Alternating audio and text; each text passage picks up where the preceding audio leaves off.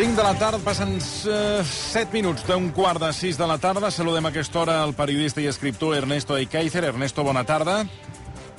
Moltíssima bona tarda. Igualment, eh, bé, tenim un conflicte eh, dins el que seria el binomi del govern, el, un, un conflicte més entre Unides Podemos i el Partit Socialista. Recordem, eh, estem immersos en la polèmica de la llei del sí és sí.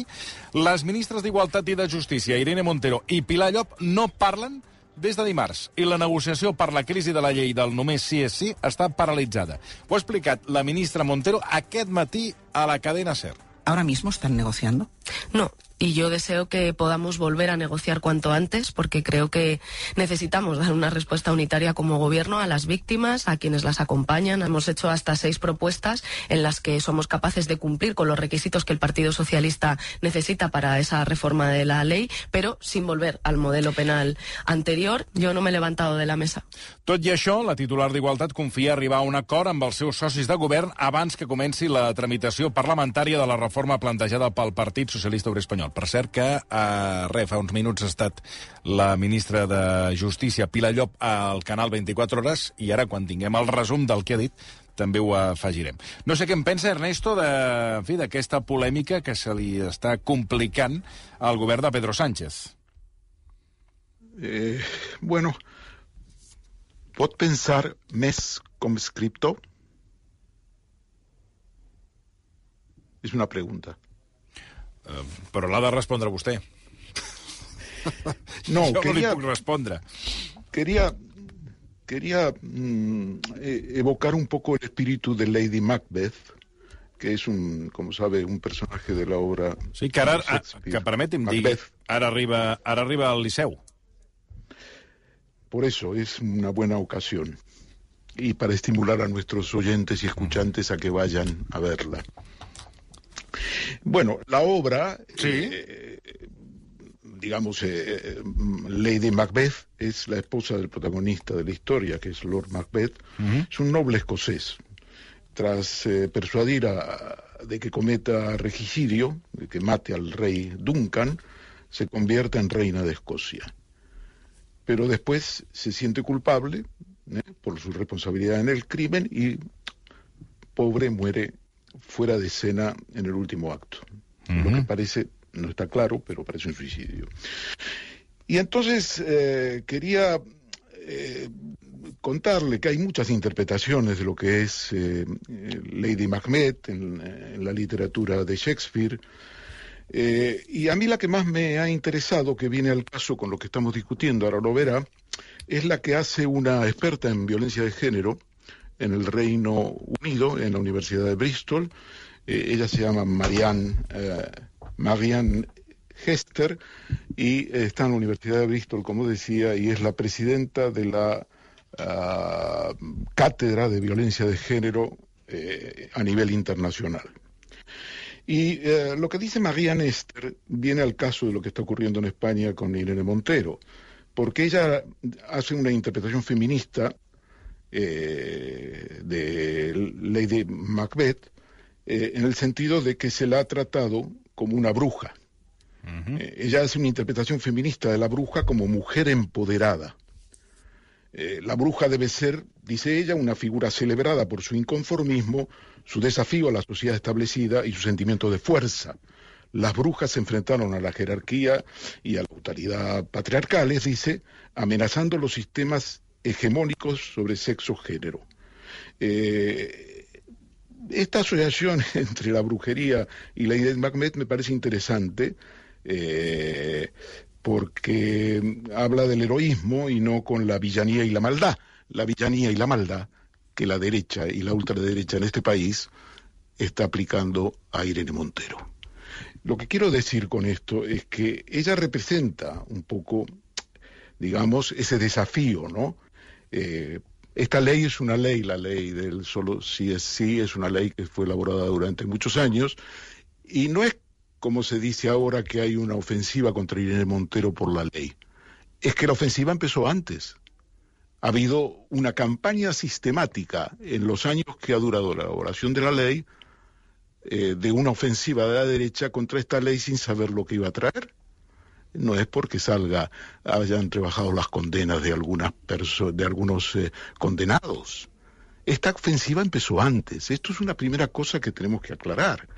Y eh, aunque tenga esos atributos que Marianne Esther eh, le atribuye a, Lady Macbeth de Shakespeare, Irene Montero no es Lady Macbeth. Irene Montero ha tratado de hacer una ley, y yo creo que la ley es muy buena, y es una ley que supone un avance muy importante, porque en la propia ley, y los que redactaron y trabajaron en la ley, es un equipo muy grande de catedráticos y profesores eh, en violencia de género y derecho penal, ya preveían la condena, la rebaja de las condenas. Si usted mira los antecedentes de los últimos dos años, usted verá que la idea fundamental de la ley no es aumentar la, lo que se llamaría la punitividad, es decir, el castigo, sino la dinámica interna para eliminar la diferencia que se hacía anteriormente entre el abuso y la agresión sexual. Hmm. Y esto no es fácil. No era fácil, llevó tiempo y no es fácil. I jo quiero hacerle esta introducción Però, disculpi, para ir... per, perdoni un moment, Ernesto. Vostè m'està dient que aquesta llei es va, es va portar a terme i es va aprovar sabent que es produirien la rebaixa de les condemnes a violadors i, i, i acusats i condemnats per abusos sexuals. Claro, efectivamente bueno, se sabía, doncs, si usted mira declaraciones... Doncs perdoni, però aleshores... No, no, no, perdone, no es, no es rebaja, no, no es en general abuso Bueno, no se rebaja. refiere al hecho de que como el, se... Però a veure, Ernesto, és el que estem veient. Rebaixes de condemnes de gent que tenia una, una condemna de 14 15 anys i que se'ls rebaixa la condemna a 9 anys. Sí, bueno, eso estaba previsto en la ley porque la ley, lo fundamental de la ley no pues, es la pues es ley, eh, insisto. Eh, pues és una llei, molt, des del meu punt de vista, parlo a nivell títol personal, és molt bueno, discutible. Bueno, será muy discutible, pero lo que quiero decirles es que no es un secreto, no es una cosa nueva no lo han descubierto y todavía no sabemos cuál es la envergadura que tiene en España. Tenemos 4.000 condenados por delitos sexuales. ¿De acuerdo? Aparentemente es una cifra que no está confirmada por nadie, pero está. Entonces, debió aclararse que algunos efectos perversos de esa ley, por la rebaja de las penas y por la interpretación que se podía hacer de ellas, que esa es otra historia, podía tener lugar. Eso no se hizo y probablemente se debió haber hecho.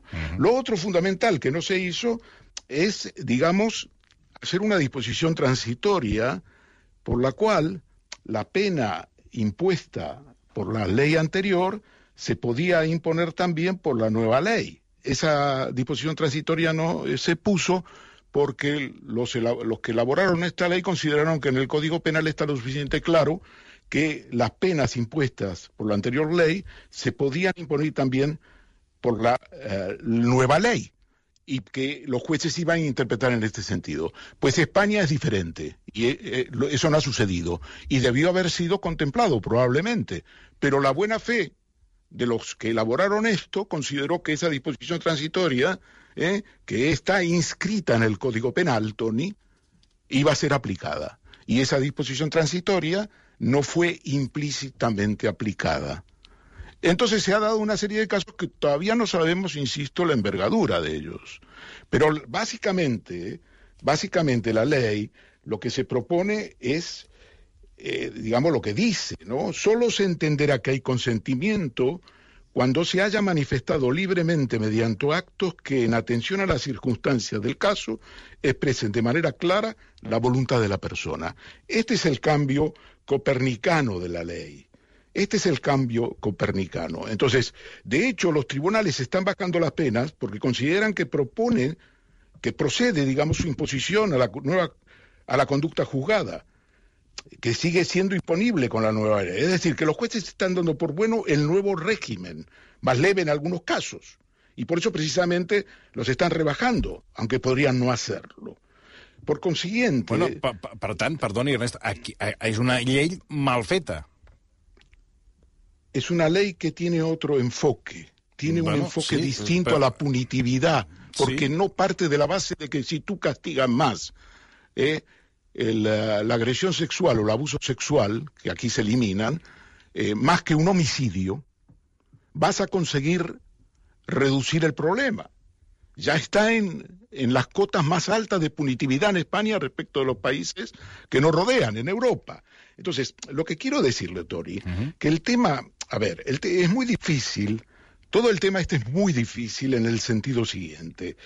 Eh, si tú quieres definir un delito de agresión sexual, que es lo que rige ahora, porque se elimina la distinción entre agresión y abuso,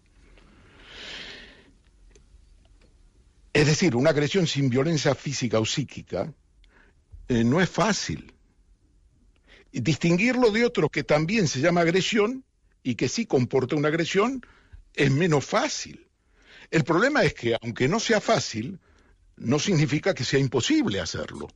Pero eso exige, digamos, describir unas conductas con mayor precisión.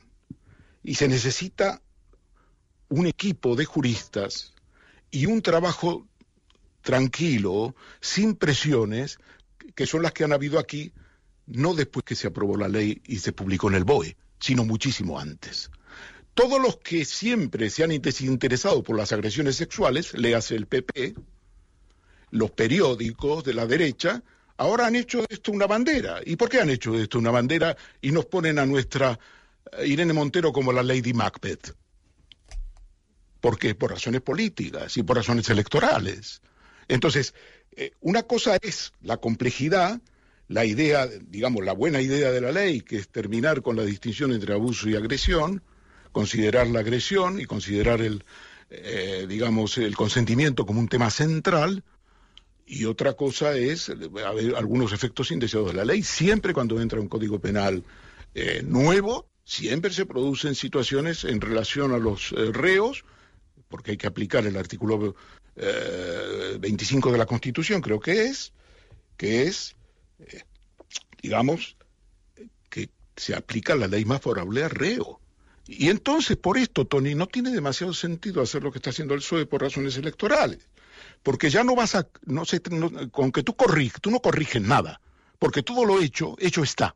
No se modifica todo lo que se beneficiaron, que no sabemos todavía cuántos son, ni en qué medida, porque no tiene, eh, no es igual aquel que se beneficia con una condena por varios meses que por varios años. Sí, todavía no lo sabemos. Los periódicos de la derecha lo que hacen, y los periódicos de la derecha y los otros que le siguen el, eh, que bailan a su ritmo porque no quieren quedar atrás, como pro-gubernamentales o pro eh, eh, Unidas Podemos, pues le siguen el ritmo y todo dice lo mismo, pero no sabemos exactamente. Entonces, no tiene sentido correr ahora y empezar a hacer eh, modificaciones cuando todavía no tienes un diagnóstico de lo que ha ocurrido, sobre todo teniendo en cuenta que no, vas a, no va a servir para nada, porque no va a, a todos aquellos que se les ha aplicado ya no puede volver a aplicarles nada, porque mm. se, se, aplicó en concepto de ley más favorable.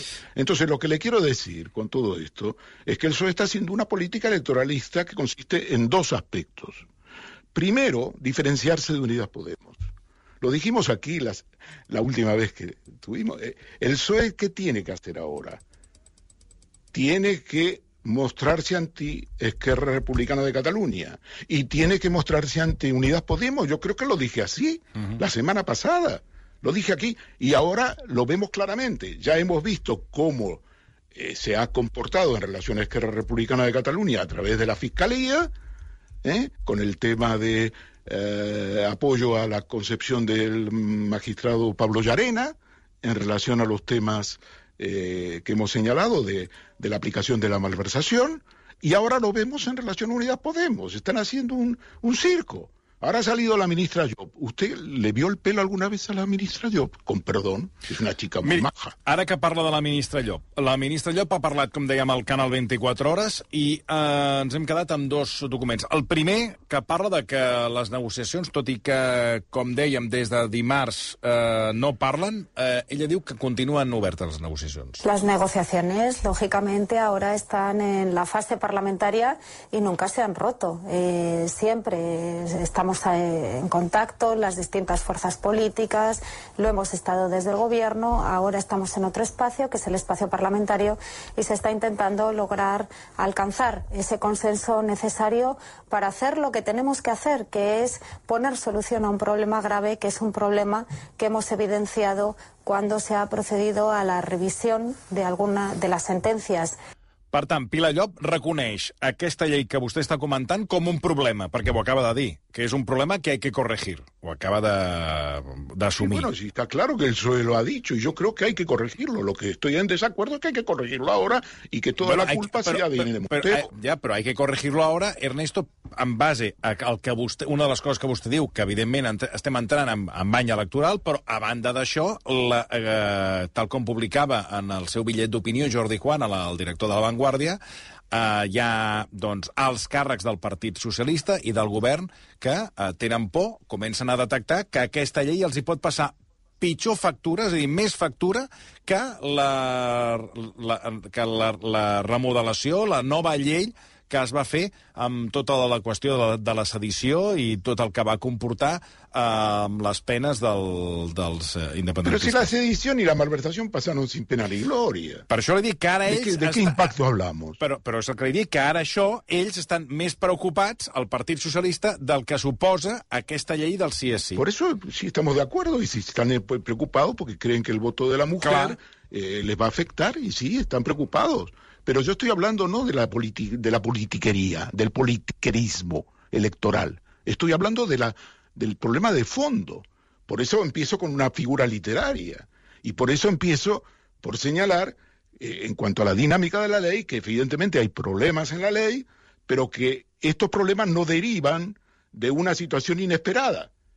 El gobierno, incluso lo dijo el, ministro, el que era ministro de Justicia, él dijo que iba a haber problemas con, con las penas. El Consejo General del Poder Judicial efectivamente alertó de los problemas con las penas. Es probable que la falta de coordinación del gobierno eh, no llevó a poner una disposición transitoria por la cual la pena impuesta con la ley anterior podía volver a imponerse con esta.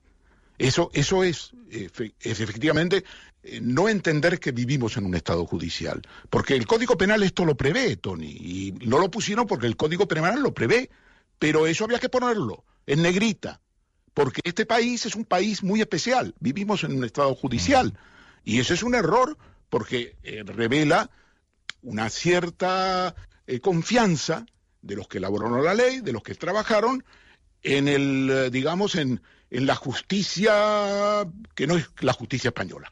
Por lo menos no es la justicia española. Y... Entonces... Diga, diga, perdone.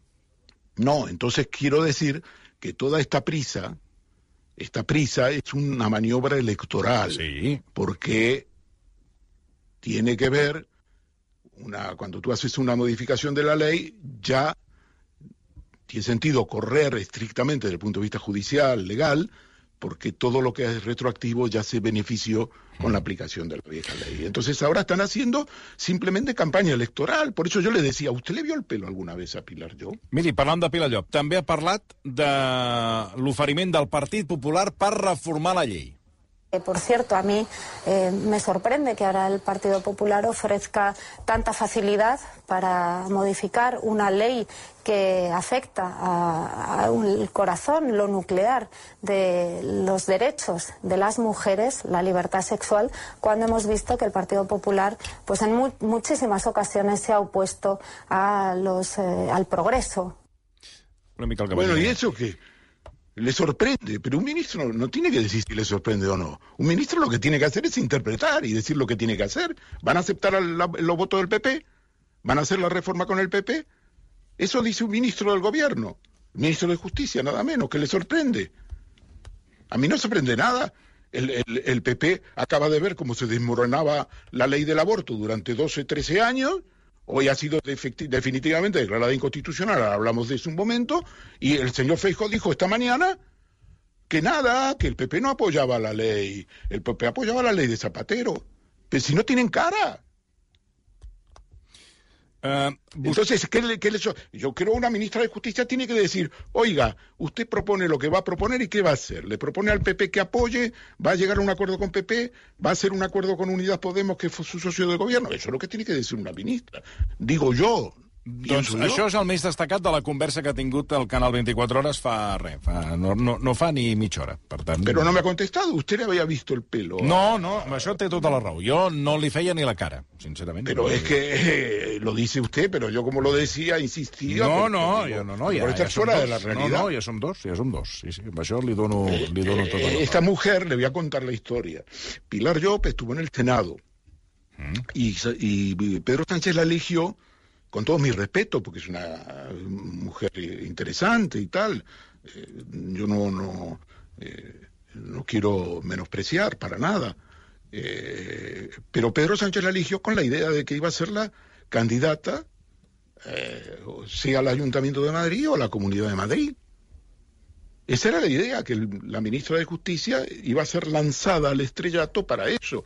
Efectivamente, creo que ya sabemos que para la para el Ayuntamiento de Madrid eh, no va a ser, ¿no? Porque es, eh, eh, él, él ha elegido a Reyes Maroto, creo, ¿no? Mm. Y veremos a ver si para la comunidad cumple su objetivo con esto de la ley del, del eh, de la ley de integral de, contra la violencia sexual. Entonces, eh, destaco que realmente no tiene mucha entidad lo que dice.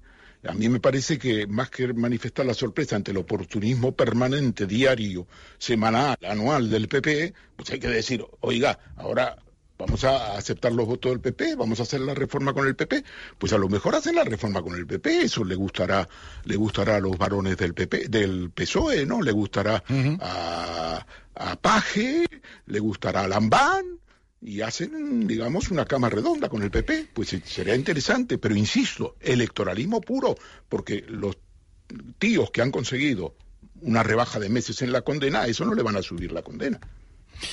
Um, ha, ha fet un esment al, al, al TC, al Tribunal Constitucional, perquè uh, van per feina. Uh, avui ha rebutjat el recurs del Partit Popular contra la llei de l'avortament de Zapatero, que fa 13 anys que va entrar en vigor.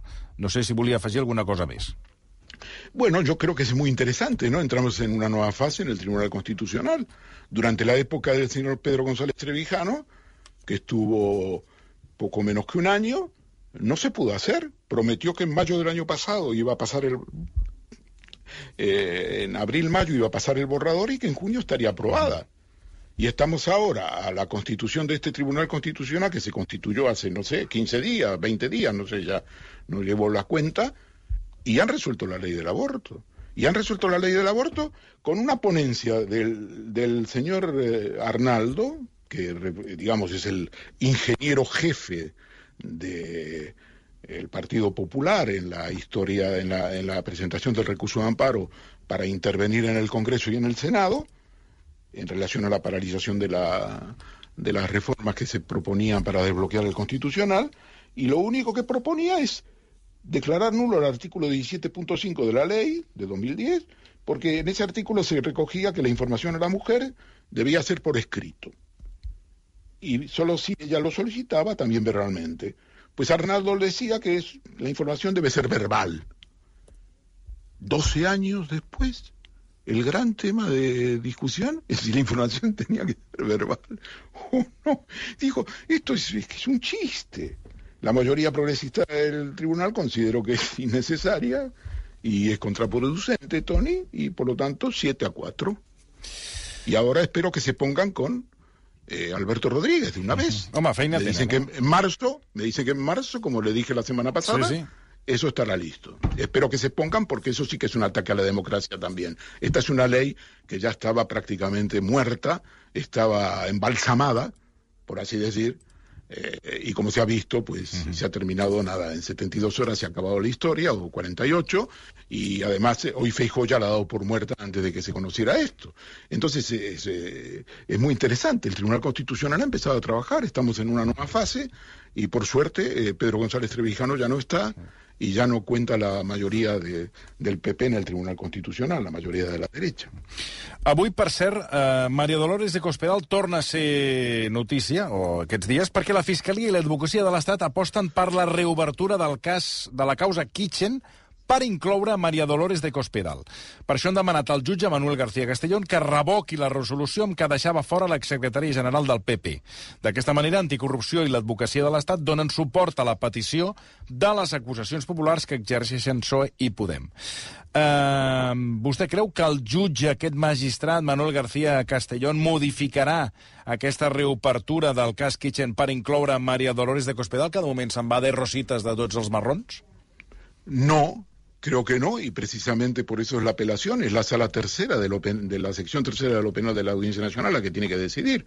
Porque aquí lo que se está formando es un bloque entre el juez instructor, que se niega contra viento y marea y contra cualquier evidencia nueva. Las evidencias son abrumadoras, ha aparecido unas nuevas evidencias, y entonces lo que hacen es el método es el siguiente. La sala tercera, la sección tercera de lo penal, le dice que eh, la eh, abra una nueva pieza con las nuevas evidencias que hay, que tiene que ver con Kitchen, porque Kitchen está cerrada. Entonces, en esa nueva pieza, Tony, esto es una primicia que le digo, en esas nuevas piezas que se abren, ya van dos, no hay nadie personado. No hay nadie personado. Por lo tanto, el juez puede hacer lo que quiera. ¿eh? Prácticamente. Está el fiscal, pero mm. no hay ninguna parte de acusación popular. Y entonces estas piezas empiezan a languidecer. ¿Usted se acuerda de los audios? Sí. Esos nuevos audios por los cuales se abrió una pieza. Sí. Se abre una pieza, pero no se reabre Kitchen. Se abre una pieza relacionada con Kitchen que es, creo, la pieza 34, eh, si no me equivoco. Hay que llevar la cuenta, aquí una contabilidad. Y entonces, ¿qué ha pasado con, eso, con esa investigación? Bueno, la, Fiscalía ha hecho un informe en diciembre, el 22 de diciembre creo, que lo estuve leyendo yo esta mañana, que es aterrador la cantidad de pruebas que aportan. Sobre Dolores eh, Caspedal. Claro, sobre, eh, digamos, analizan todos los audios aportados nuevos sobre Dolores de Cospedal, analizan otras pruebas y dicen, oiga, esto hay que reabrirlo, es que esto no se puede investigar en una pieza separada. Pero entonces, ¿qué pasa? Que la sala de lo penal le hace el juego al juez, porque lo que hace es, le obliga a, abrir una nueva pieza con las nuevas evidencias, con las nuevas pruebas. Sí, Pero no le obliga a reabrir Kitchen, que es el tema central. Entonces hay una muralla china que intentan defender a capa y espada, cuando todavía en el caso de Kitchen la fiscalía ni siquiera ha hecho su acusación, su calificación, está retrasándola. Entonces, ¿por qué no se ha Kitchen? eso es ad hoc, a, fémina, se llama María Dolores de Cospedal. No puede estar ahí. Es una línea roja, ya lo dijo la Fiscalía en un escrito. El juez parece considerar una línea roja. No puede estar. Con eh, eh, Jorge Fernández Díaz, hace lo que queráis. Está amortizado está enfermo, lo que queráis. Ahora, con María Dolores de Copedal, no. A mí no me la tocas. Y María, eh, em, el juez García Castellón, no la toca. Recordará usted que dijo que, hombre, que el hecho de que se reúna con Villarejo no puede llevar a criminalizar el derecho de reunión. Hombre, pero ¿para qué se reunía con Villarejo? Para torpedear la investigación para conseguir los documentos comprometedores que podía tener Bárcenas, y por eso se hizo la operación Kitchen. Es que Kitchen no es para policial, no es para guion policial, es policial. es la poli, la Policía Nacional, el Cuerpo Nacional de Policía, es Eugenio Pino, es Villarejo, es eh, García Castaño, es eh, el, asesor de Cospedal, que también es un policía, eh, Gómez Gordo, eso es. Entonces, lo que está pasando aquí es que hay un, digamos, hay un claro muro, una muralla china que intenta construir el juez García Castellón y aun por más que le prueba las evidencias, por más que le prueba las grabaciones, es, eh, es decir, no hay, no hay smoking gun, como dicen en Estados Unidos, es decir, no hay pistola humeante que lo coloques frente a García Castellón para que impute a Cospedal, porque es inimputable. María Dolores de Cospedal, la imputable, vaya titular. Sí, sí, un titular que a mi... La inimputable. La inimputable, sí, sí, és el que li anava a dir, que veurem què és el que passa. Uh, Ernesto, avui ho hem de deixar aquí, no tenim més temps. Moltíssimes, moltíssimes gràcies. Una abraçada molt forta. A vostè, Toni, a tots. Gràcies, adéu-siau, bona tarda. Tres minuts i saludem Rocco Eistenhauser. Fins ara mateix. Versió RAC 1.